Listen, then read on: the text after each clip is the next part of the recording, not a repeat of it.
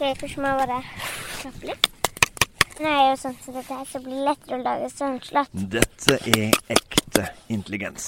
Ja, det blir bare sånn. Under utvikling. Men hvis det nå er kunstig intelligens du utvikler, så har Datatilsynet ei anna form for sandkasse. Ei regulatorisk sandkasse som skal hjelpe fram innovasjon av kunstig intelligens med tipp topp personvern. Vil du være med? Søknadsfristen er 15.9. Mer info om det finner du på datatilsynet.no. Vi ser et eh, stort potensial til at eh, de digitale kreftene, altså den motoren som ligger i en prosessor og, og et stort minne, og, og, at elektronikken kan eh, gjøre ting, at den kan hjelpe lærerne i det nesten umulige oppdraget som lærerne har fått ved å tilpasse undervisningen til den enkelte elev. For hvis du har en klasse med 25-30 elever, så skal det være plass til veldig mye kunnskap om hver enkelt elev inni lærerens hode for å klare å, å legge godt til rette for hver enkelt elev. Ja, lærere i norsk grunnskole har kanskje ei umulig oppgave om de virkelig skal gjøre det lovverket krever av dem, og gi individuelt tilpassa opplæring til hver enkelt elev. Den eh, digitale krafta med det enorme potensialet, kunstig intelligens, kan være redninga som gjør det mulig å tilby skreddersøm på samlebånd. Men det er ikke bare bare å utvikle kunstig intelligens for bruk på barn og unge i skoleverket, skal vi høre i denne episoden av Sandkasten.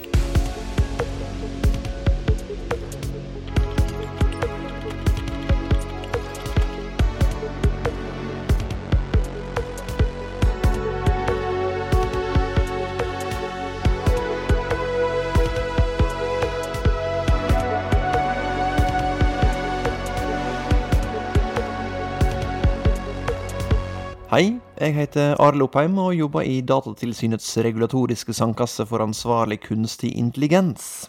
Og poenget med denne sandkassa er at Datatilsynet skal være litt mindre politi som kommer med pekefinger og klekkelige gebyr, og litt mer kreative og konstruktive, som sammen med gründere og organisasjoner jobber mot et felles mål om KI-teknologi i tråd med godt personvern. Og hvordan det går, hører du her i Sandkasten. Hvis vi ser på kunstig intelligens i utdanning, det kan ha flere roller. Vi kan gjøre læring med kunstig intelligens. Vi kan lære om kunstig intelligens og forberedelse for å leve i en verden med mye kunstig intelligens. Her hører vi Barbara Wasson. Jeg kommer fra Canada opprinnelig, som du hører. Og um, jeg er utdannet faktisk i kunstig intelligens fra 1990. Jeg har en ph.d. Så flytta hun til Norge, og nå er Barbara professor i informasjonsvitenskap og direktør for Slate, som er Nasjonalt senter for læringsanalyse. På Slate har vi ansvar for utvikling av en applikasjon som heter Mitt fagkart. Og Mitt fagkart samles, analyseres og visualiseres studentaktivitetsdata det er den data som ligger igjen når du bruker digitale verktøy i klasserom. Og vi gjør det på tvers av flere digitale verktøy. Og det er faktisk uh, nytt, så langt vi vet i forskningsverden. Vanligvis samler du data innenfor en uh, program. Barbara og co. på Slate er de som snekrer sammen selve applikasjonen Mitt fagkart. Men dette her er et eh, stort prosjekt med flere aktører. Kommunesektorens organisasjon KS har hovedansvaret, Universitetet i Bergen bidrar, og Brian Jørgensen fra Utdanningsetaten i Oslo er òg så tungt inne i prosjektet at han er særdeles godt egnet til å forklare hva Mitt fagkart skal bli for norske elever og lærere. Ja, Mitt fagkart henter resultater fra mange forskjellige digitale læremidler ett sted, uavhengig av eh, hvem, hvilken leverandør som eier eh, det enkelte produkt. Eh, og så merkes det, eller knagges det på en måte opp mot læreplanen og, og noen generelle verdier. da, Sånn at man kan eh, Altså hvis du jobber litt i det ene produktet og litt i det andre og litt i det tredje, så får du oversiktsbildet i mitt fagkart. En har snakka om at norsk skole har blitt sjokkdigitalisert i løpet av pandemien. Men eh, sjøl før den ramma oss, hadde temmelig mange digitale hjelpemiddel inntatt skolen. Forskjellige apper for forskjellige fag, flere verktøy i samme fag, forskjellige leverandører, forskjellige plattformer. En liten jungel, men med mitt fagkart skal lærerne lettere få oversikt. Og elevene enda mer tilpassa opplæring. Og i prinsippet kan innsatsen i engelsktimene påvirke hva type oppgaver du får jobbe med i mattetimene. Ja, jeg vil si det. Men da må vi ha en tilknytning av den uh, ferdigheter og kunnskap som utvikles i begge deler, og se hva som går igjen. F.eks. kritisk tenkning. Det kan du utvikle både i matte og i engelsk. Så ja, det er mulig. Og så kan vi bruke disse verktøy til å avdekke misoppfatninger som kanskje en, en lærer ikke ser med en gang når en elev jobber med matte, f.eks.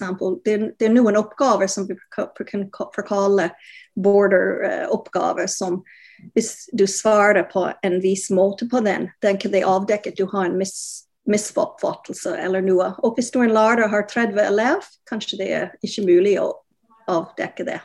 Så det kan være en uh, veldig god støtte til lærere. Ja, styrken til kunstig intelligens er det å behandle store mengder data og klare å se system i et mylder av informasjon og variabler.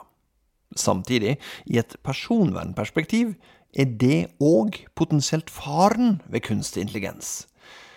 Så det store spørsmålet blir, eller det første store spørsmålet fra flere av dem, hva slags data skal samles? Eh, Foreløpig har vi lagt opp til bare å samle inn helt sånn spesifikke, enkle oppgaver. Altså mm, resultat på en, en treningsoppgave, f.eks. Du har eh, løst et mattestykke, eh, og svarte du riktig eller feil? Og litt metadata, f.eks. Om, om oppgaven er lett eller vanskelig, eller kanskje middels. Og så også en kobling mot eh, læreplanen. Det er jo mange kompetansemål som elevene skal jobbe med, som er definert i læreplanen.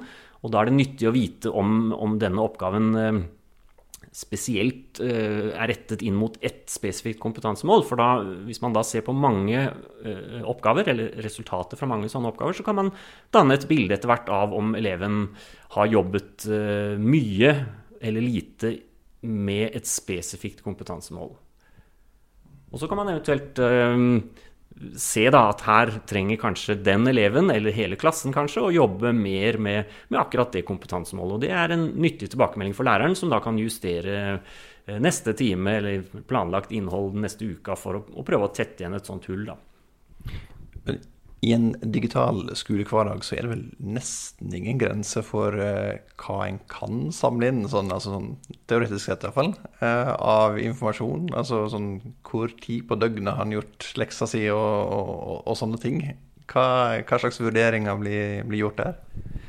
Ja, det er et godt eksempel på uh, dataminimering, som vi er veldig bevisst på, og som er et krav i personopplysningsloven. At man skal kun ta med data som er relevant for formålet. Uh, og um, vi tenker at, at, læreren har egentlig ikke noe med å gjøre om, om leksene er gjort uh, på ettermiddagen eller på natta. Det, det, det er ikke en del av, uh, av, det læreren skal vurdere. Så, så, vi prøver å skrelle vekk alt sånt noe i forhold til, til, det som samles inn. Sånn at det kun er selve resultatet. Vi vil jo ikke at dette skal, skal bikke over og bli Sånn at, at elevene etter hvert føler at, at, det fungerer som en overvåking. At uh, uansett hva de gjør på skolen, så blir det lagret et eller annet resultat om dem. Uh, for vi ser jo at elever uh, har en helt annen tilnærming til en oppgave hvis de vet at den blir vurdert, i forhold til hvis de vet at dette er bare en øvelse som vi leker oss med. Så det må være rom for begge deler i skolen. At, at, at elevene hele tiden vet hva er en vurderingssituasjon, og når er det ikke-vurderingssituasjon? Eh, for man trenger et balansert eh, innhold i skolen. Men eh, i noen tilfeller kan det være mm, relevant å vite f.eks. om en oppgave er gjort før eller etter en annen oppgave, for å identifisere altså Lærte du noe av den første oppgaven som gjorde at du kunne bygge videre på den neste, som er litt vanskeligere og som forutsetter en kunnskap som ligger i bånn? Ehm, vi tenker egentlig på dette mer som en mulighet til å forbedre de verktøyene som allerede er. Eh, vi ser jo at elevene bruker allerede en del tid på å løse digitale oppgaver. Og det er den tiden eh, og den aktiviteten som vi tenker kan bli enda bedre. Elevene blir jo fort demotiverte hvis de må jobbe med oppgaver som er for lette eller for vanskelige. Eh, så hvis man treffer det nivået eleven er på, så tror vi at det vil skape bedre læring og, og bedre motivasjon og også følelse rundt det. At man, man syns det gir mer mening å gå på skolen. Da. Dataminimering, som Brian er inne på her, er et viktig prinsipp i personvernforordninga GDPR. Du skal samle og behandle så lite persondata som overhodet mulig for å få gjort jobben du skal gjøre. For det første så kan jo det føles litt naturstridig for en utvikler som sitter der med dette kraftige verktøyet som kunstig intelligens er. Fristelsen til å putte inn mest mulig data for å oppdage flest mulige sammenhenger er nok stor. Men ikke bare det. Brian føler de òg står i en skvis mellom to forskjellige lovverk. Det krysspresset som egentlig er mellom to forskjellige lovverk, eh, der eh, kapittel 3 i eh, forskrift til opplæringslova eh, er veldig detaljert på hvor nøye en elev skal bli vurdert. Eh, og at jo større vurderingsgrunnlag læreren har, jo bedre er det egentlig. Så jo flere detaljer en lærer klarer å, å, snappe opp og identifisere som en elev forhåpentligvis gjør bra, da, jo, jo bedre jobb har egentlig læreren gjort. Eh, så, så, det er jo derfor lærere i det analoge universet hele tiden noterer opp for hver enkelt time. Og hvis, eh, hvis, lille Fatima har svart på et spørsmål i en muntlig time, så noterer man opp og sier at her det, har eleven vist eh, god deltakelse i timen og har svart bra på sånn og sånn osv. Så, videre. så dette, denne virkeligheten møter jo da personopplysningslovens krav om å minimalisere mest mulig. Eh, så vi skal liksom ikke samle inn eller bruke data med mindre det er helt klart at det er relevant for formålet. Eh, man skal ikke ta med noe ekstra. Eh, så, så der er det på en måte to regelverk da, som, som, vi skal veie opp balansen imot her. Da. Sånn at vi for det første kan skaffe et best mulig vurderingsgrunnlag også digitalt, som da representerer en stor mengde av, av data om en enkelt elev men samtidig minimalisere det. Og da er det viktigste, som vi også var inne på tidligere, at man da skreller vekk det som ikke er relevant. Og, og eksempel på det er jo da f.eks. tidspunkt når en elev har, har, gjort en lekse. Så det blir eh, den jobben vi må gjøre da, med å, å identifisere hva er nødvendig data, og hva er det ikke. Når en står i en juridisk skvis, så er det jo godt med juridisk kompetanse, og det får de i sandkassa. Men de har òg egne særdeles kompetente juskrefter. Med i prosjektet er Malgorzata Syndeka, førsteamanuensis ved juridisk fakultet ved Universitetet i Bergen, og hun kan forklare disse her juridiske utfordringene de har, fra start. Det aller første eh, problemet som melder seg, det er jo spørsmålet om vi har lov til å behandle personopplysninger til elever på akkurat denne måten som vi vil. Og da er det snakk om behandlingsgrunnlag. Og GDPR, eller personopplysningsloven, eh, vi har jo en spesiell bestemmelse som sier at hvis eh, behandlingsansvarlig har et slik plikt, skal man kunne behandle personopplysninger som er nødvendige for å utføre denne, um, denne plikten. Men samtidig så trenger man noe man kaller for et supplerende eh, behandlingsgrunnlag. Dvs. Si at man må vise, man må kunne vise til en nasjonal lov eller EØS-lov som sier at ja, du har faktisk lov til å behandle personopplysninger på denne måten. Og her snakker vi om opplæringslover som ganske nylig ble, eh, ble endret eh, vi har fått nye bestemmelser på plass som er eh, rettet mot akkurat digitalisering. Eh, og bruken av algoritmer eh, på skoler.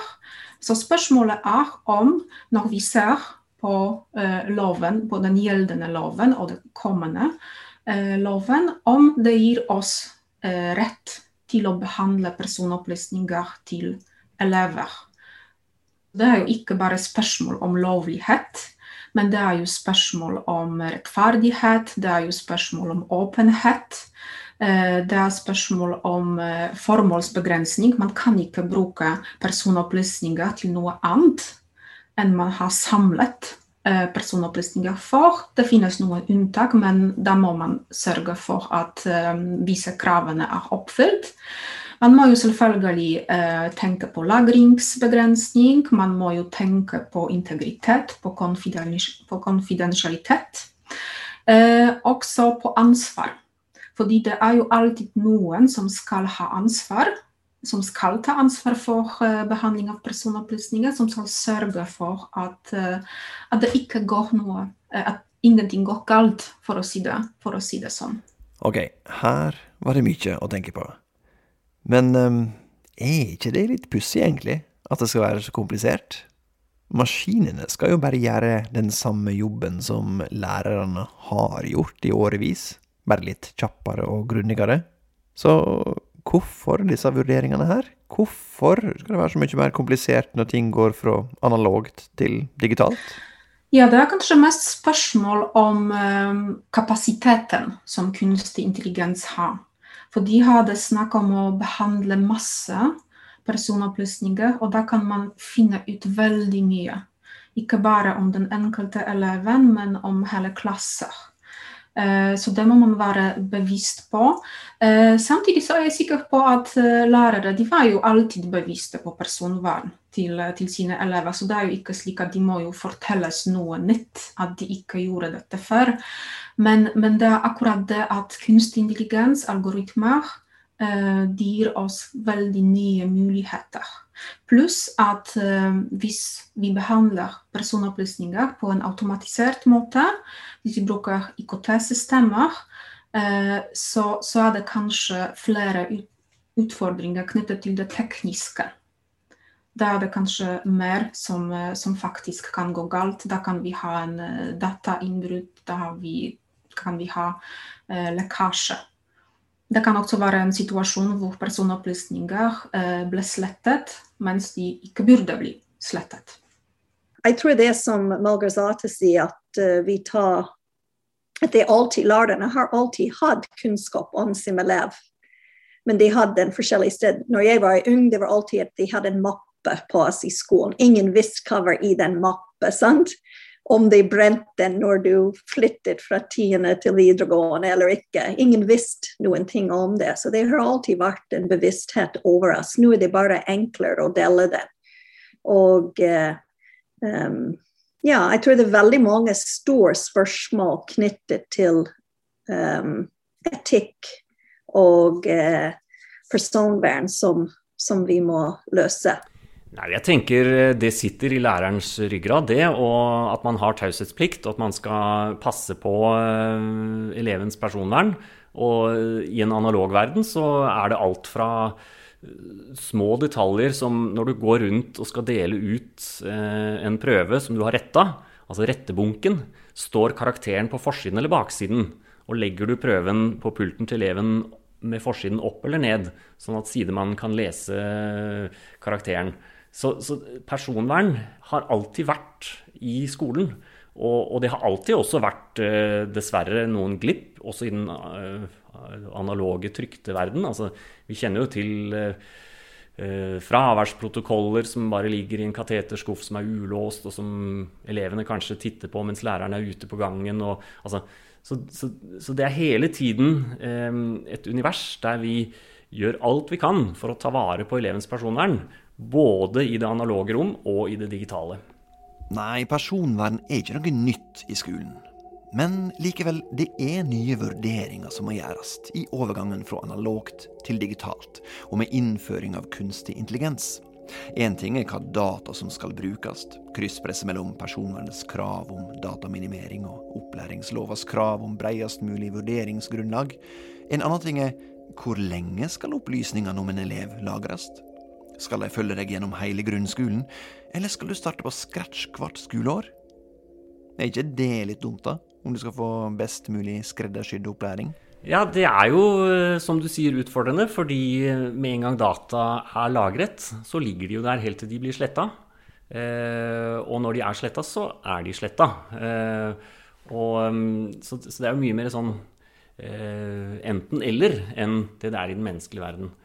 Eh, så, så, derfor er det også viktig at vi har eh, tegnet opp eh, på en måte gode retningslinjer for hvordan vi skal håndtere det. Og det er jo også et mål fra vår side ved å delta i Sandkassen, at vi kan få input fra Datatilsynet som tilsynsmyndighet på, på, en del sånne tolkninger og avveininger og, og detaljer. For det er jo det er jo eh, mange detaljer å ta stilling til. Eh, F.eks. hvor lang tid skal en sånn spesifikk oppgave og, og på den, hvor lang tid skal det lagres? Og er det greit at man, eh, at man bruker et resultat fra 7. klasse også i 8. klasse f.eks.? Eh, noen elever får ny, de fleste får ny lærer når de går fra 7. til 8. fordi de begynner på ungdomsskolen. Men det er også noen elever som ikke får ny lærer. Og i den analoge verdenen så ville de hatt en fordel av at læreren kjenner dem fra før. Eh, og i den teknologiske verden så har man mulighet til å gi gi den kunnskapen om elevens historikk til en ny lærer ved å, å på en måte gjenbruke den dataen fra tidligere år. Men er det eh, innenfor regelverket, og er det etisk forsvarlig å gjøre det? Alle disse problemstillingene er da ting som vi må finne løsninger på.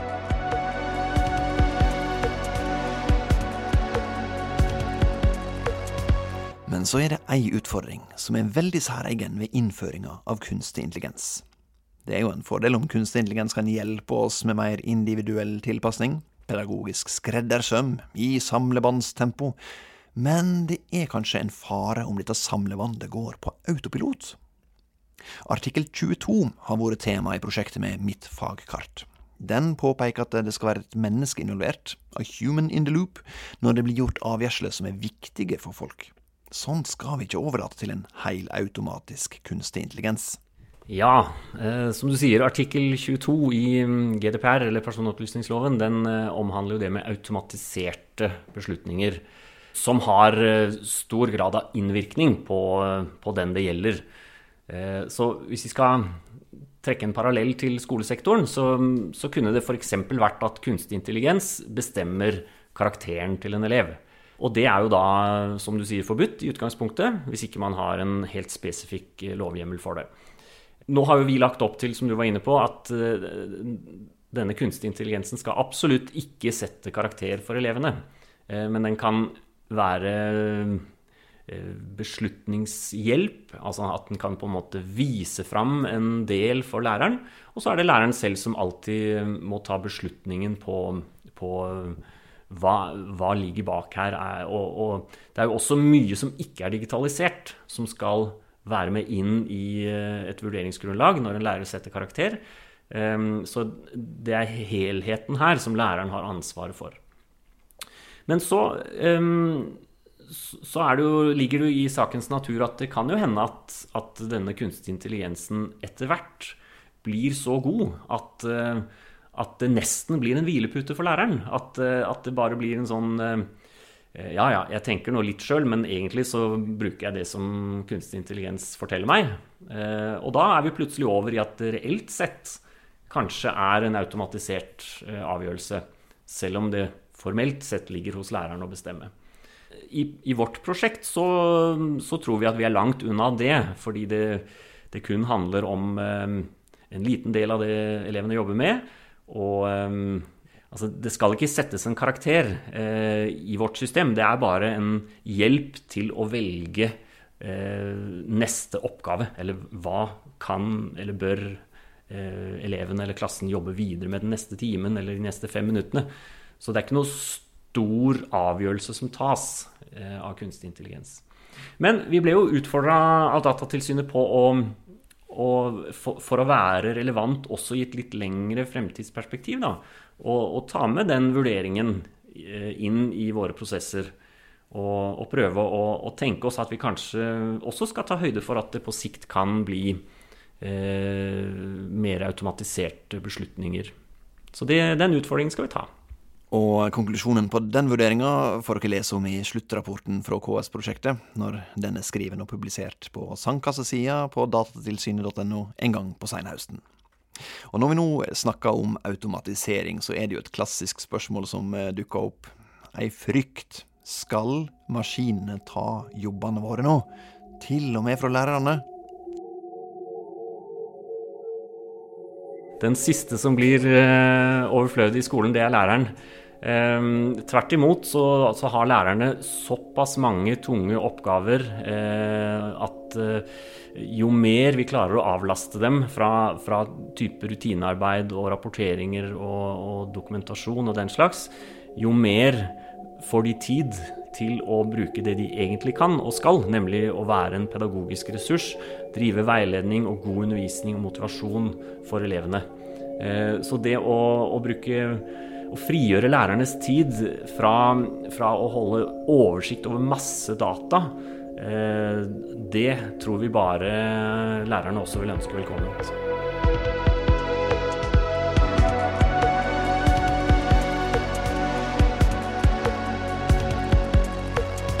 Da har alle sandkasseprosjektene blitt presentert her i Sandkasten. Og i mellomtida så har flere av prosjektene allerede kommet inn i sluttfasen, så hvordan det har gått med noen av prosjektene får dere høre om i neste episode av Sandkasten.